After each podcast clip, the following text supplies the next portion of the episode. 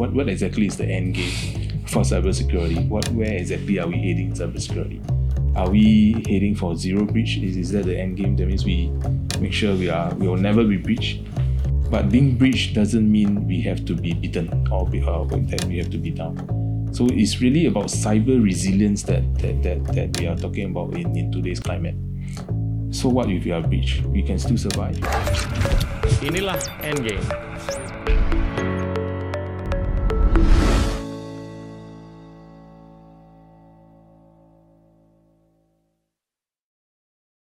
Halo teman-teman, hari ini kita kedatangan Pei Yuan Wong.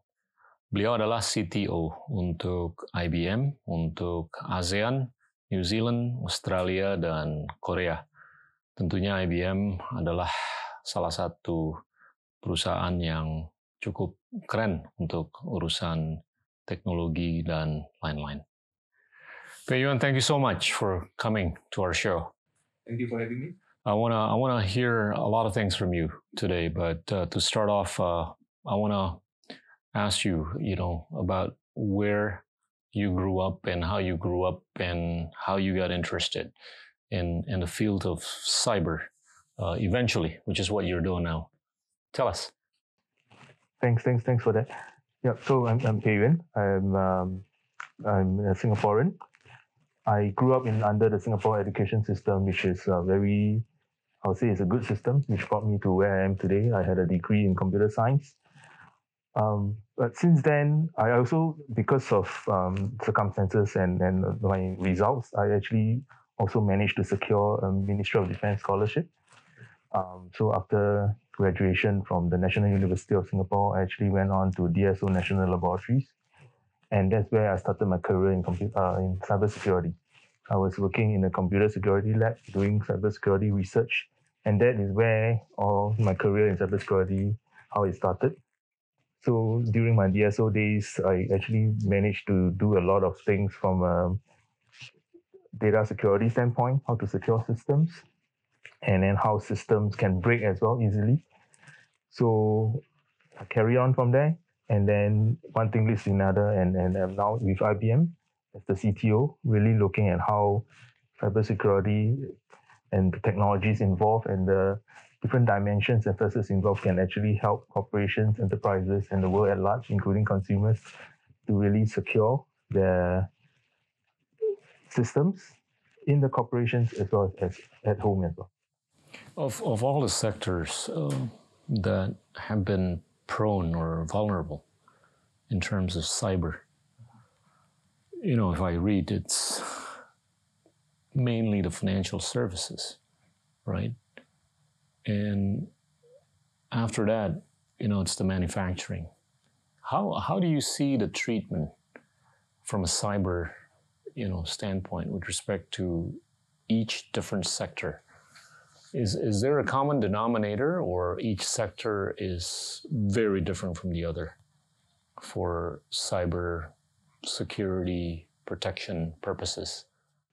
I, I think at the core of it, cybersecurity, the core dimensions are the same. It's always protect about protecting the CIA, the confidentiality, the integrity, as well as the availability of IT systems.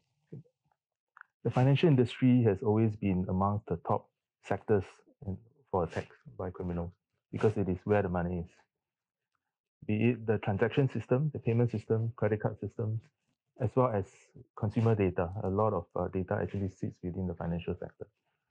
Having said that, in recent years, because criminals have started started to see how by disrupting the supply chain, it can actually cause even more widespread havoc to the entire ecosystem. So they have started to also target the manufacturing sector. So in fact, in 2021, the manufacturing sector has become one of the most the top target of attack, outpacing the financial sector because criminals have started to see that by disrupting the manufacturing sector, it actually caused supply chain worldwide to be disrupted. So I think, however, at the core, at the core of uh, cybersecurity is always, always about protecting the confidentiality, integrity, and availability of data. So, so as an example of a of a supply chain attack that has disrupted the world over, so sometime last year there was a attack on the US pipeline, for example. it actually caused real world impact to consumers on the ground. It has actually caused gasoline prices uh, in US to actually increase by 10%. So by attacking the supply chain, by attacking the, the actual uh, pipeline, it actually, uh, but through through the use of ransomware, it actually caused real world impact to consumers on the ground. So cybersecurity is really a real world problem that really has a widespread impact on people like you and me. It's not just on enterprises. You may hear about it in the news, but actually it has real world impact on the individual as well. You know what's amazing is that as as much as as you aptly pointed out, it's it's in a in the top of the minds of the criminals or the bad guys. Conversationally, it's not in the the mindset of lots of leaderships of organizations. There are exceptions, but but I could generalize. I think for the most part, or for many parts, not a lot of guys out there are talking about this as a risk. You know, when you when you meet with them, they only talk about what numbers you're trying to achieve at the end of the year, at the end of the quarter, at the end of the semester, and stuff like that. It doesn't come out. You know, in that cyber is actually a very essential part of the day-to-day business that they need to look after and try to mitigate the risk of.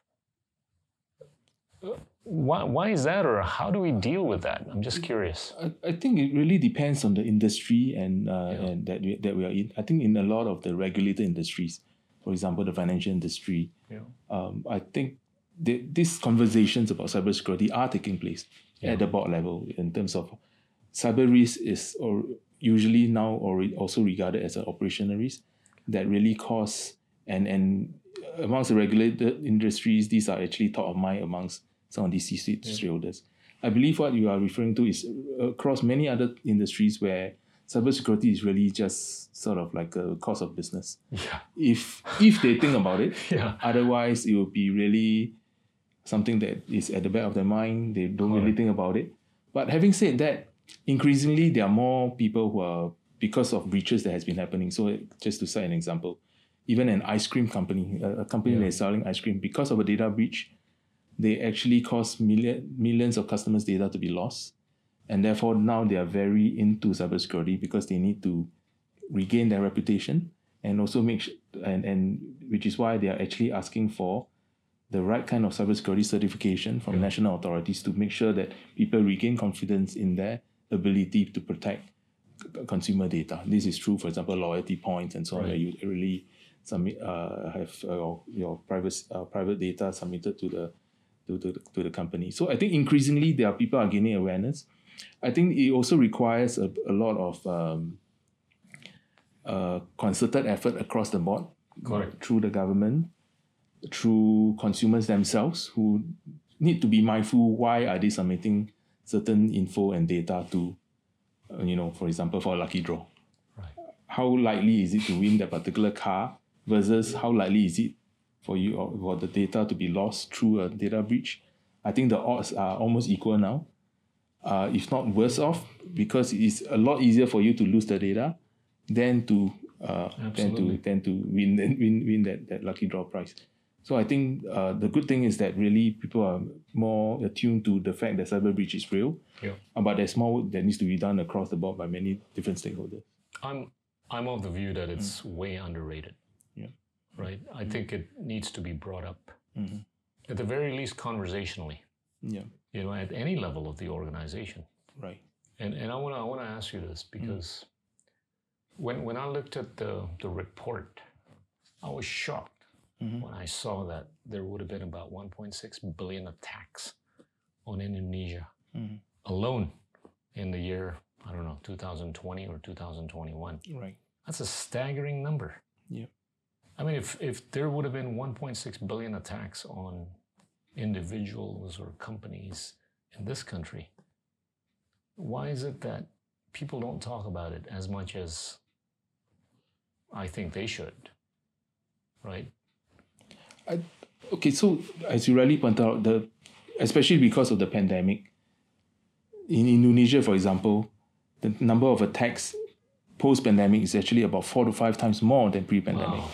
Yeah, so so I think because of the the effect of the pandemic, where there's a huge um, push towards digitalization by consumer uh, by by corporations, as well as the consumers themselves now needing to work from home, having you know access to routers and uh, uh, VPN and so on, and and to to really access to corporate data through, but when they are still at home, I think this really sort of uh, excavated the problem. Uh, but why are they people not talking about it? Because I think a, a, a big factor is really because they are they themselves are not affected. They hear about these breaches, they appear in the news, but it's always to other people. They themselves are not affected yet. But having said that, actually, the truth of the matter is really that most people would have been affected by some breaches. Why is that so? Because if, for example, a particular corporation has been breached and data has been leaked to cyber criminals, that data, even though is breached because uh, of lapses in a particular corporation, but the data actually belongs to you and me. Because if you have submitted the data, for example, in uh, 2018 in Singapore, there's actually a breach in the healthcare system. Those data actually belong to the Singaporeans. Right. And, and these kind of breaches actually happen to other parts of the world and other jurisdictions as well. So I think, but the effect and the impact of those breaches are still not felt as much yet because we do know that our data is out there anyway. Yeah. Uh, but it doesn't impact them so much yet because their money is not lost. They are still, even though the data, healthcare data is lost, but they are they are they are not really impacted very much. I think that's the key issue that we need to deal with. You know, I, I want to follow up on. I, I think it's important to underline the point that the reason that it's not surfacing to the conversations of as many people as we think it should be it's not just because the top guys don't pay premium on this as much as they should, but I think the middle and the lower people, they may not know that they would have been inflicted. Right. I I wouldn't know if I might have been inflicted. Maybe my data would have been used to the advantage of somebody out there without my knowing that it's to my disadvantage. right? And and you know, metaphorically, it's it's it's until when you open your wallet and you realize you got nothing in there. Right. That's when you feel the pain. Is that the right way of thinking about it? Uh, very much so. You know, interestingly, one of my friends recently told me that he, his mother is like 70 plus years old. Told him that uh, robbers today shouldn't be robbing bags or, you know, taking wallets and so on because all the money is actually on your mobile phones, on your mobile apps, in your banking systems, and so on. And the truth of the matter is that there are actually many breaches out there, as you rightly pointed out, that we, we might not even know about. You know, there's actually this, uh, you know, a lot of websites that actually compile the different big data breaches that has been happening. So, for example, there's this website called haveibeenpwned.com. Uh, once you go to the website, you can actually key in, for example, your email address or your you know, uh, credit card number and things like that. And lo and behold, you might find it already out there on the dark web. Oh man. Um, being being sold for you know very cheap amounts. You know, each credit card number is like one cent or something like that that are being sold out there. So the, the unfortunately, even after we have found out that some of this data is out there, the truth of the matter is that they're already out there. You can't really do much about it. People already, of course, you can report to your credit card company and whatnot. But other than that, you, you can't really do much about it. So this this awareness in terms of the real world impact that it can cause really needs to be promulgated across more widely so yeah. that people are aware that data breaches can cause real world issues because people can abuse your credentials or PII, personal identifier data, data, data to apply for credit cards, to uh, apply for loans, for example, and then eventually you will be the one who needs to pay, and you need to sort of show that you are the not not the one applying for it, but it's sometimes not so easy. So I, I guess um, the the issue is really to be able to make this a wider known problem. And some of this um, can be done through cooperation with um, uh, government entities, for example, for um, campaigns, video campaigns. So in some jurisdictions, I know, of, for example, there are actually uh, advertisements or not advertisements, sorry, um, there are actually v, uh, uh, uh, campaigns to really show how there's this um, security cannot be done without you. You know, security is spelled with Yeah. S E C U R T Y, but taking the U away, security Oh, cannot be done without the U. So, Okay. so I think to have campaigns Yeah. like that to really Yeah. make people aware that it's important Ownership taking. ownership. Yes, to Yeah. take ownership about what. So it's not just about how the corporations or how other corporations can protect their IT systems, but also about how yourself should be protecting your own data because the data actually belongs to you. The, the most common breach is ransomware. Tell us, what's, what's the biggest ransom that would have been asked and paid to settle? Well, so there are different, um, you know, people typically don't broadcast how much they have been paying, and they, if they are paying at all, they may not even tell. But uh, I have heard of uh, double-digit million My payments, and that's really because they are at their wits' end. Because without paying, they really can't restore their operations, and the, you know the, the operations are just at a standstill. But having said that, it's actually even after paying, uh, in ma- many instances, you may not be guaranteed, right? getting, but, but yeah, you may not be actually Ouch. getting what you want. So, for example, usually when you pay, you act- actually paying for the keys, so that you can decrypt the data that has been encrypted by the ransomware. But the truth of the matter is that they can give you the keys, but the process of decrypting the data may sometimes be so slow that you're actually better off just restoring from your backups if you do have the backups. Or there are actually what we call uh, uh, double extortion schemes. So about 59% of ransomware in the in 2021 are actually um, double extortion. What does that mean is they can give you the keys, you can restore operations, but they will ask you to pay again. Otherwise, they will leak the data out there because they have your data. So, and there's actually such a thing called triple extortion. Triple extortion means that because they have the data, uh, so they sort of ask you to pay for a ransom to get the keys, and, and then if not, they uh, and ask you to pay for them not to leak the data as well. But the data actually belongs to a third party. They then ask the third party to pay the ransom as well, which is why it's called triple extortion. If you, I have your data, uh, your data is with me. If you don't pay me, I will also leak your data. So, so schemes like that are actually happening. So it's actually why ransomware are, is of uh, concern to many organizations as well as individuals in recent years. I, I want to bring up, you know, day-to-day stuff that Mm-hmm. I think we human beings tend to take for granted. A couple of things. I mean, when you go home, most people never check whether or not their router would have been breached. Right. I mean, you have no idea if some stranger within the same zip code or from a different zip code would have breached it. I mean, I, I, I never check Right. my router. I'm, su- I'm sure most people out there don't. And, and the other stuff is that I take for granted, that I know most people take for granted, is when, when you go to a place with unsecured network capabilities, like a cafe, Right. or like a mall, or like whatever, the hotel. What, what sort of stuff that we need to know about stuff like this? Yeah.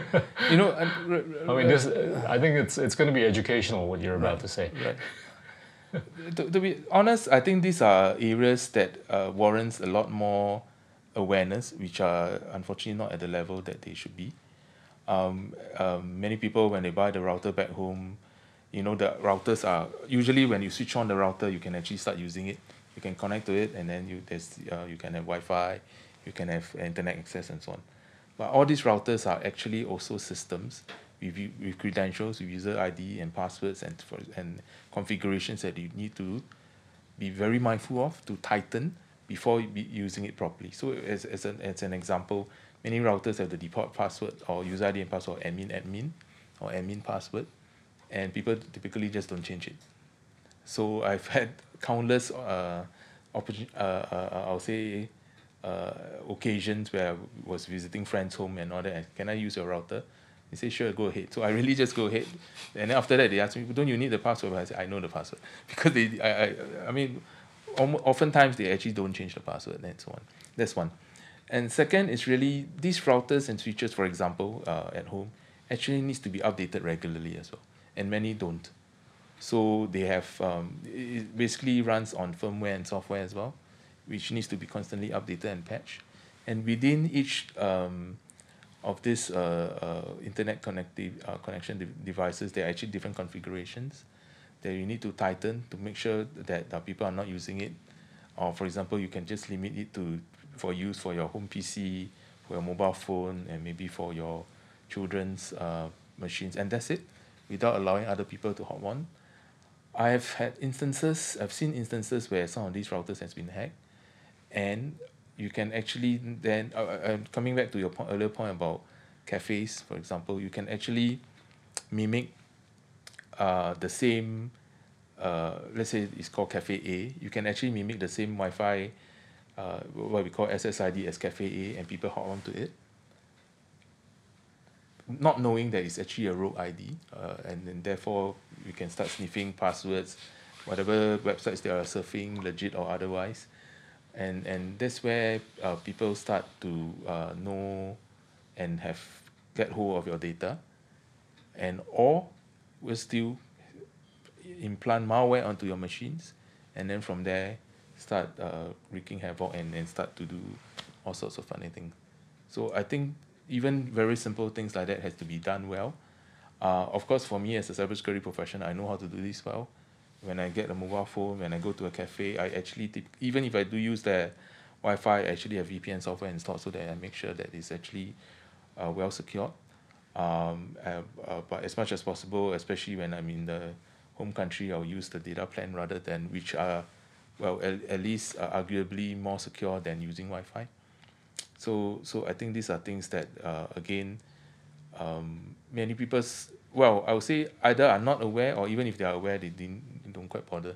So long as they get the Because it's so convenient yes, to be able to get it for free. exactly. Ah, it's okay. Yeah. Nobody's going to bother not me. using something for, for anything sensitive, but not knowing that, not uh, forgetting that they're actually using it for something use, uh, something that is uh, sensitive as well, such as banking application, for example. And that's the that's at the individual level, right? How about at the corporate level?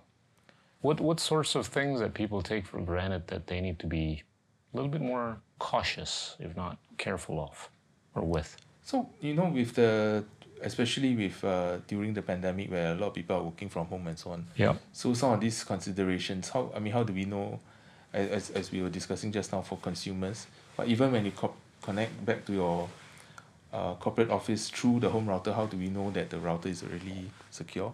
How do you know that your the, the connection is actually not breached? I, I think these are things that uh, people has to be mindful as well. Uh, but the good thing about corporations, especially uh, those with a good and mature security team, is really that um, we have this concept called zero trust, uh, which means we trust nothing and we assume yes some of these things can be breached, and therefore in every transaction and every uh, connection that we make, we actually make sure that they are properly authenticated and verified. So even if some of these um, intermediaries, I would say, whether is it the router and switches or the ISPs are breached, um, um, they are the, the, the, the corporate resources themselves are still well protected. So with a concept such as zero trust, this is something that we will really um, try to uh, inculcate in the in clients that we have. Uh, so we are really trying to you know um, make sure that the the ecosystem, uh, whether is it our clients or um, even our family members and so on, are imbued with this concept. If- if They may not, let's say if you're talk, talking to your friends and family, it may not be called zero trust, but the concept is really ultimately about zero trust, not trusting anything, make, making sure that uh, everything is authenticated and properly verified before granting access. Zero trust and verify. Yes. Not trust and verify. Uh, yeah, it may sound like a paradox. Uh, never trust, always verify. Uh, well, depends on yeah, it, so so yeah, but indeed, uh, especially with uh, the increasing sophistication of cyber threats, I think this is something that we need to pivot towards. Yeah. And and the other thing is the other observation is that most of the breaches, or most breaches, have been done by insiders, right, as opposed to outsiders. Yeah. Is is that that's at first it sounds hard to believe, mm-hmm. but but it kind of makes sense, right? Because you sometimes you can overtrust your insiders. Yeah. So there, uh, are, there are various reports to say that say about eighty percent of um, cyber breaches are actually caused by insiders. Um, the well, it really depends also on the interpretation as well. So ultimately, you need to become an insider in order to breach a system. In in the sense that even if, if I'm an external ex- attacker, I will need to breach an insider's credentials, be it you know the database administrator, some super administrator, admin user, the, the CFO or whoever, in order to, to breach the system, and you have to become insider. Um, but having said that, is also the truth of the matter is also that insiders will, by virtue of the fact that they are insiders and have the right access to systems and so on, that they can already do some of these um, um, malicious activities um, to, to cause a, a, a breach which is why I think uh, uh, this this again this uh, concept of zero trust is is uh, needful. Yeah. Um, because for insiders to be able to to carry out the attacks, usually because um, you know for example to for insider to transfer large sums of money to their own accounts, for example, many of these are actually anomalies.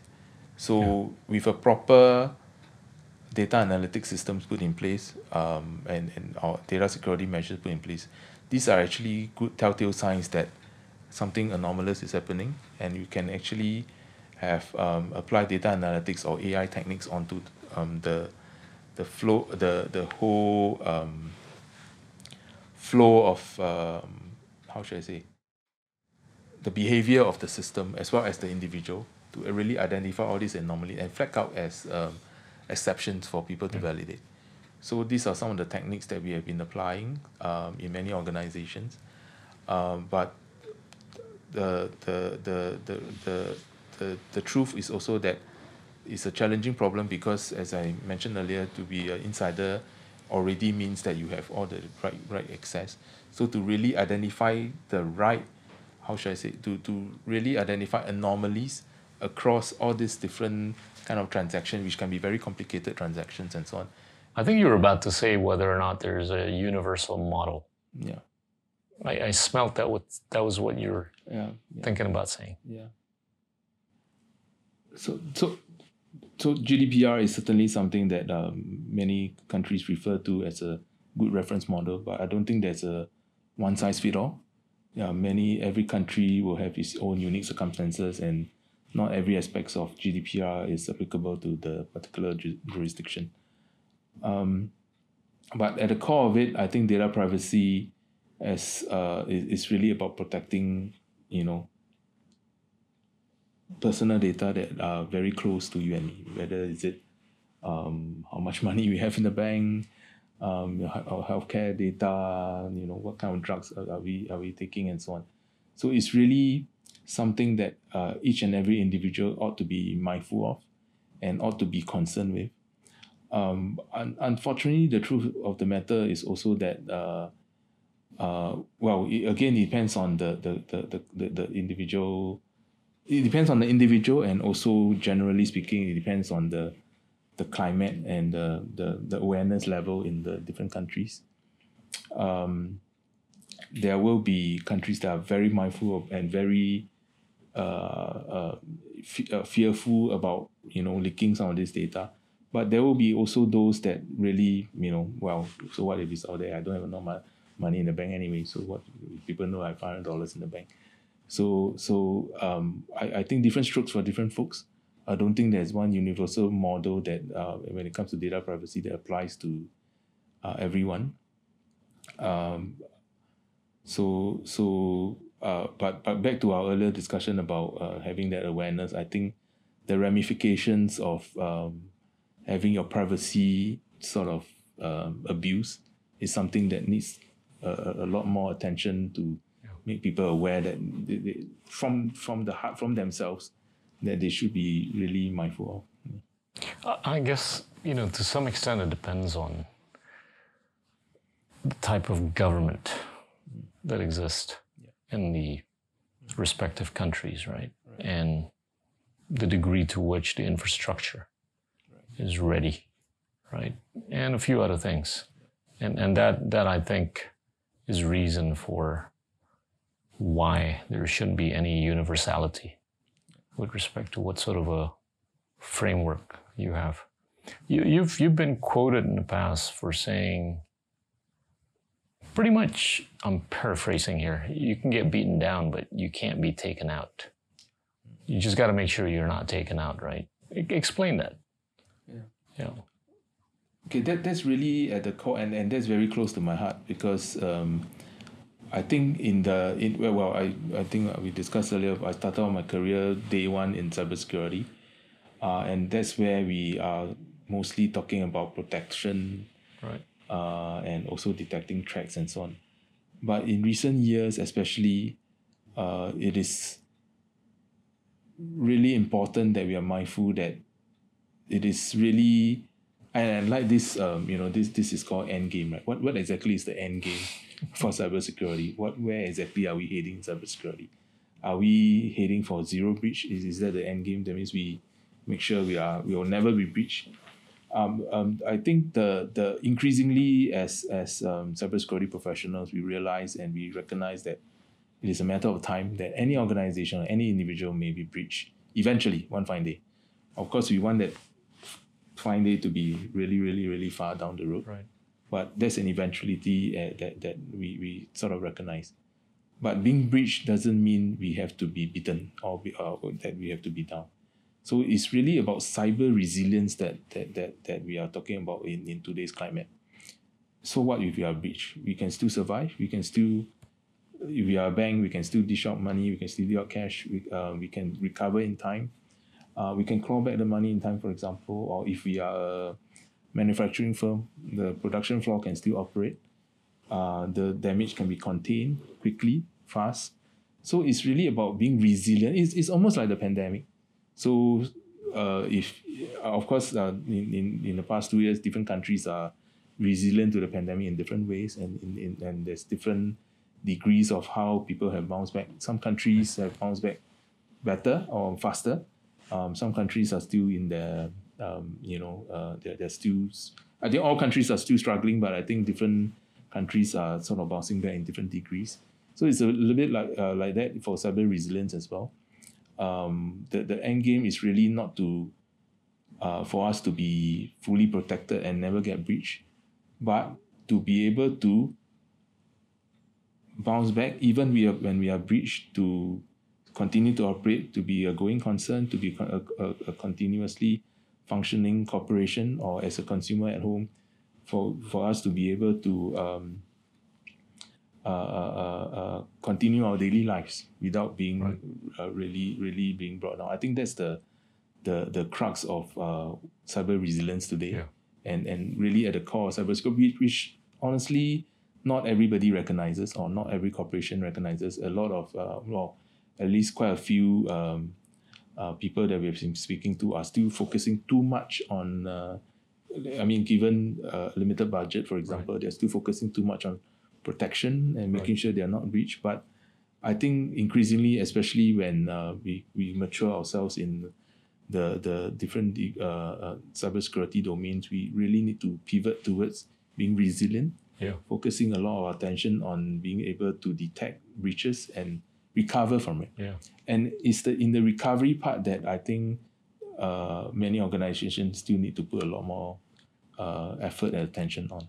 Yeah. For example, in conducting exercises, making sure that uh, you know, let's say in a red teaming exercise, when uh, certain systems are down, that we can recover. How how do we know that the backup systems is still working? Let's say in a ransomware attack, how do we know we can really recover from our backup? And even though almost all organizations have backup systems, I think again, uh, hand to heart, many um, organizations I've spoken to may not uh, have not tested the recovery part yet. I think so. That's where a lot of attention needs to be spent on.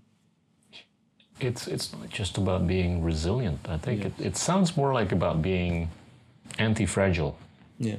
right? You can actually bounce back stronger Yes. compared to how you would have been Correct. before yesterday or Very whatever. so. Right. Yeah. Talk talk about what IBM has in mind for ASEAN. You know, broadly or specifically. I, I, th- I think one big challenge in uh, cybersecurity is really the dearth of uh, talent, or Yeah. in, uh, in in tech at large at least, but certainly in cybersecurity as, as well. Yeah. So globally, uh, we are uh, at least in uh, security, depending on the di- different research reports you have read, um, there are we are to the, in the there's a shortage to the tune of uh, one to a few million cybersecurity professional globally. So in, in some countries it will be you know a few thousand, some tens of thousands. So globally there's a widespread shortage of uh, cybersecurity talent, and that's in different different um, different roles, be it a SOC That's analyst, or- single digit millions uh, all across the world. all across the world. Less than 10 million. About yeah, thereabouts. About Okay. 10 Yeah, thereabouts. Um, yeah, so each country will be to the tune of tens of thousands, Yep. thereabouts. So how, how, how do we really uh, have the pipeline so of, of uh, talent so that we can really close this gap as, as fast as possible?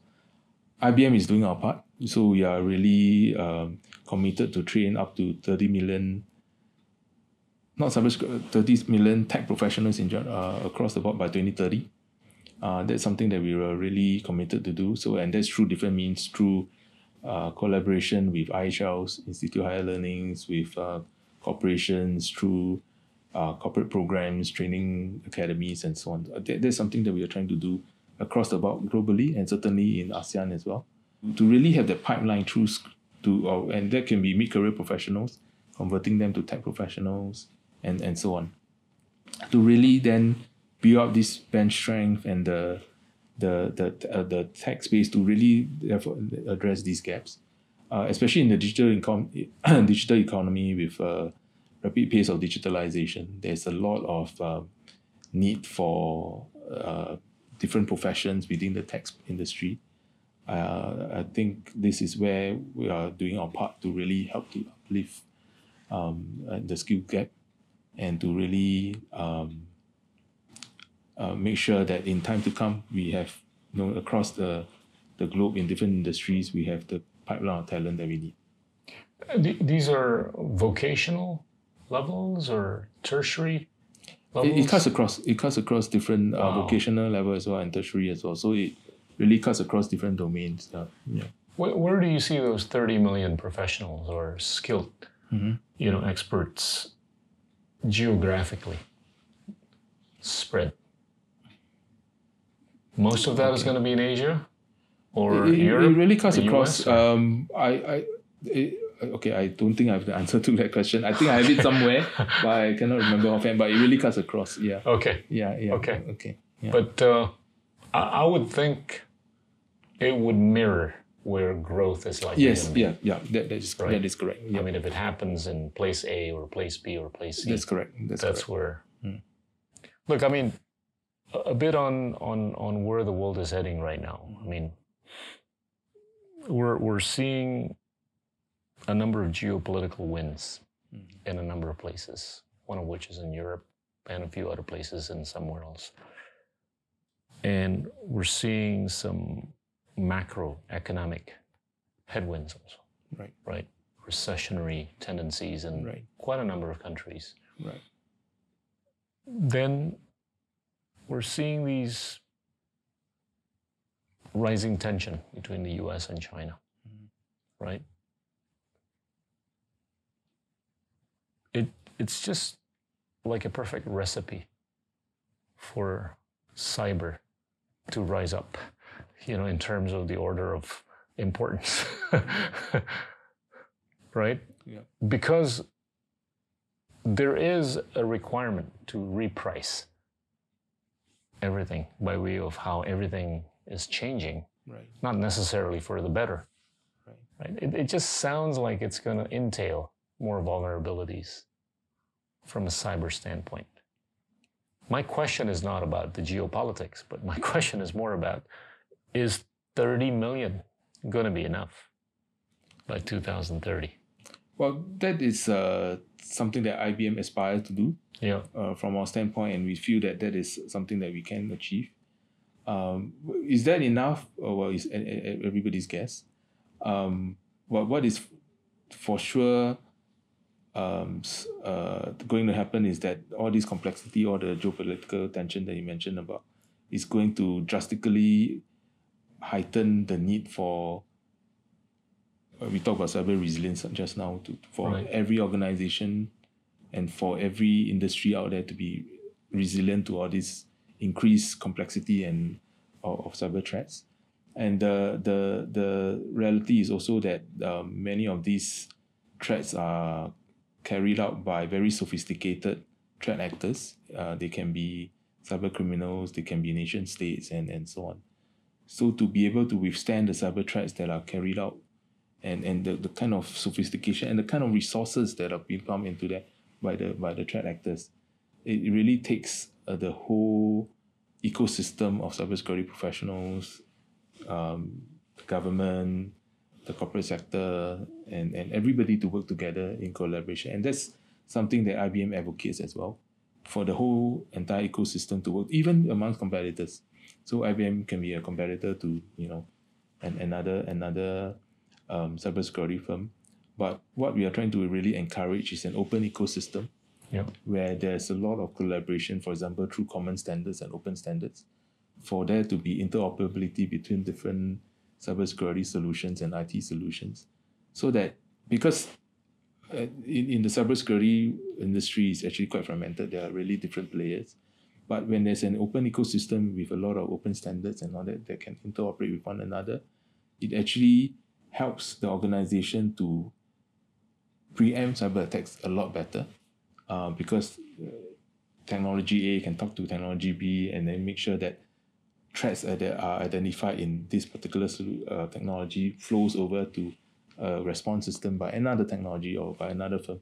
So this is really something, and, and IBM strongly believes that this is the way to go. To have an open ecosystem with open standards and and and for the the the blue team to work, or I would say the blue team to work very closely amongst ourselves because the red team, we, uh, or rather the bad guys, are collaborating amongst themselves. Yeah. They're sharing, you know, uh, all their spoils. They're sharing how to crack into systems and all that very well amongst themselves. Yeah, and they have no inhibitions. They they have no sort of um, uh, uh, laws in their mind. They are they are lawless, and in the first place, they can share freely. So why can't we share freely? Yeah, so that's something that we are strongly encouraging. You know, if I, if I take a look at how technology is mm. is changing exponentially, it's it's more in the private sector, right? It's happening in the private sector. The more you need to basically regulate this, or to make sure that it's not being used for the wrong reasons or for the wrong purposes. Whereas the way policy making hmm. all around the world has been moving at a much more linear manner. Right. Hmm. How, how do you reconcile the two so that the coexistence of the two will result in a stable environment where the risk of cyber threats can be further mitigated? I, I, it takes really a very consultative approach on both sides. Yeah. So so uh, from the reg, I think gone are the days where the regulators think that they know everything, Yeah. and therefore just prescribe you know standards or or, or, or uh, policies and all that just because they are the regulators and they, they do so.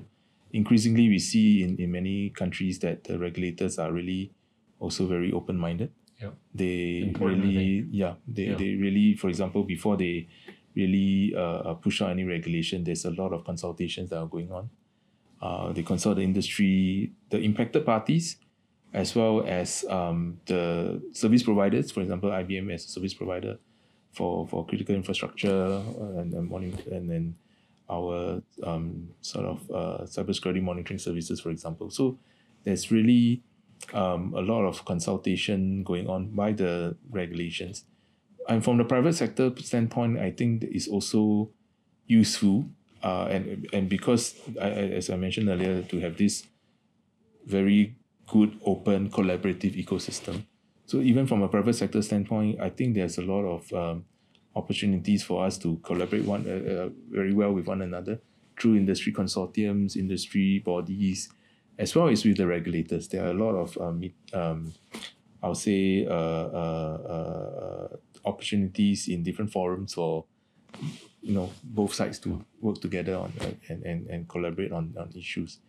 I've also seen, for example, labs, uh, laboratories that are set up that are it can be set up by the private sector by inviting the regulators to join, or it can be set up the other way around. And they actually work hand in hand in the labs to experiment, to try out different things, to to explore uh, whether is it new solutions and technologies or, or, or the implications of new uh, regulations and how it impacts. And, and there's a lot of, um, uh, uh I'll say, close uh, collaboration. And, and that's a good thing to see. And that's really heartening to see that there's we are sort of converging.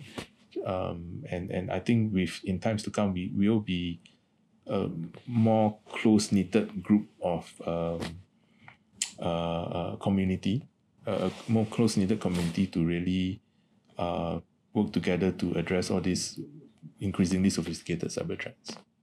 Interesting. Yeah. You, you've you've talked about 2030. Yeah. Tell us what you have in mind about 2045? a lot of the kids in Indonesia, right. they, well, at least we're trying to encourage them to think long term, right? right? But how Indonesia is going to be, how ASEAN is going to be by 2045. That's only like, what, 23 years from today. okay. You, you see a much more benign picture from a cyber standpoint well, for ASEAN? if any, you'll be as complex, if not more complex, uh, and as treacherous, if not more treacherous. I wouldn't say. I, I certainly don't think you'll be more benign. Um, but what, uh, especially from the threat landscape uh, standpoint, by then uh, you will be there will be a lot more. The the, the whole tech landscape there will be a lot more sophisticated. So you know today in any typical organization, uh, there will be tens of thousands of different types of solutions and technologies, and each and every one of them will come with different vulnerabilities that can be exploited. By then, with the rapid migration, uh, digitalization effort, there'll be, and of course, uh, a big push to uh, migrate to the cloud and so on. There will be, I, was, I think there will be more uh, convergence in terms of the the, the, the different types of uh, technology used, and, uh, and it will be less fragmented, I, I think. However, having said that, because of the different use cases that are brought about by different technologies like 5G, and in some countries we're talking about 6G already, um, there's the application of all these different technologies will mean an explosion in the types of uh, um, uh, use cases that can be uh, exploited. Uh, well, that can be, I shouldn't use the word exploited in the context of cybersecurity, but they can be utilized by different, you know, consumers on the street or by corporations there will be a, so from a cybersecurity standpoint, there again, uh, in tandem, there will be a huge explosion in terms of the attack surface, where there will be a lot more threats that can be coming and there are a lot more vulnerabilities. So certainly not more benign, but having said that, because of the collaboration and the yeah. convergence that we are seeing in the in the community and so on, I think uh, things are uh, will be a, from a defender standpoint, it will be a lot more harmonized there will be more uh, so uh, uh, close. So, for example, from a threat intelligence sharing standpoint, I think there will be much less inhibition in terms of sharing threats with one another, even amongst competitors. I think this is what what we, we are seeing. Yeah, correct. Uh, in in uh, in some uh, countries, for example, we uh, when it comes to threat intelligence sharing, so in some cases, uh, we still see that people are looking at it as uh, something that is quite private. I don't want to share with my competitor in terms of what I've been seeing. So, um, uh, but in in some jurisdictions, we have been emphasizing that threat intelligence is not a competitive advantage. You can, of course, you can always right. um, uh, anonymize certain things that are sensitive, but to share, for example, the the tactics that the attackers are using, how they manage to breach the system, so that there's wider benefit for the other organizations to have early warning, to be able to detect some of these um, threats that are coming towards them. I think that's that's uh, something that is uh, very useful amongst the community, and and I th- increasingly we see a lot of more of that. I think that is also encouraged by uh, the formation of a lot of industry bodies. They are of like-minded professionals that come together to to really share experiences and insights with one another. Yeah. Uh, I think this is a, a, good, a good development, and, and we should continue to encourage that. Good.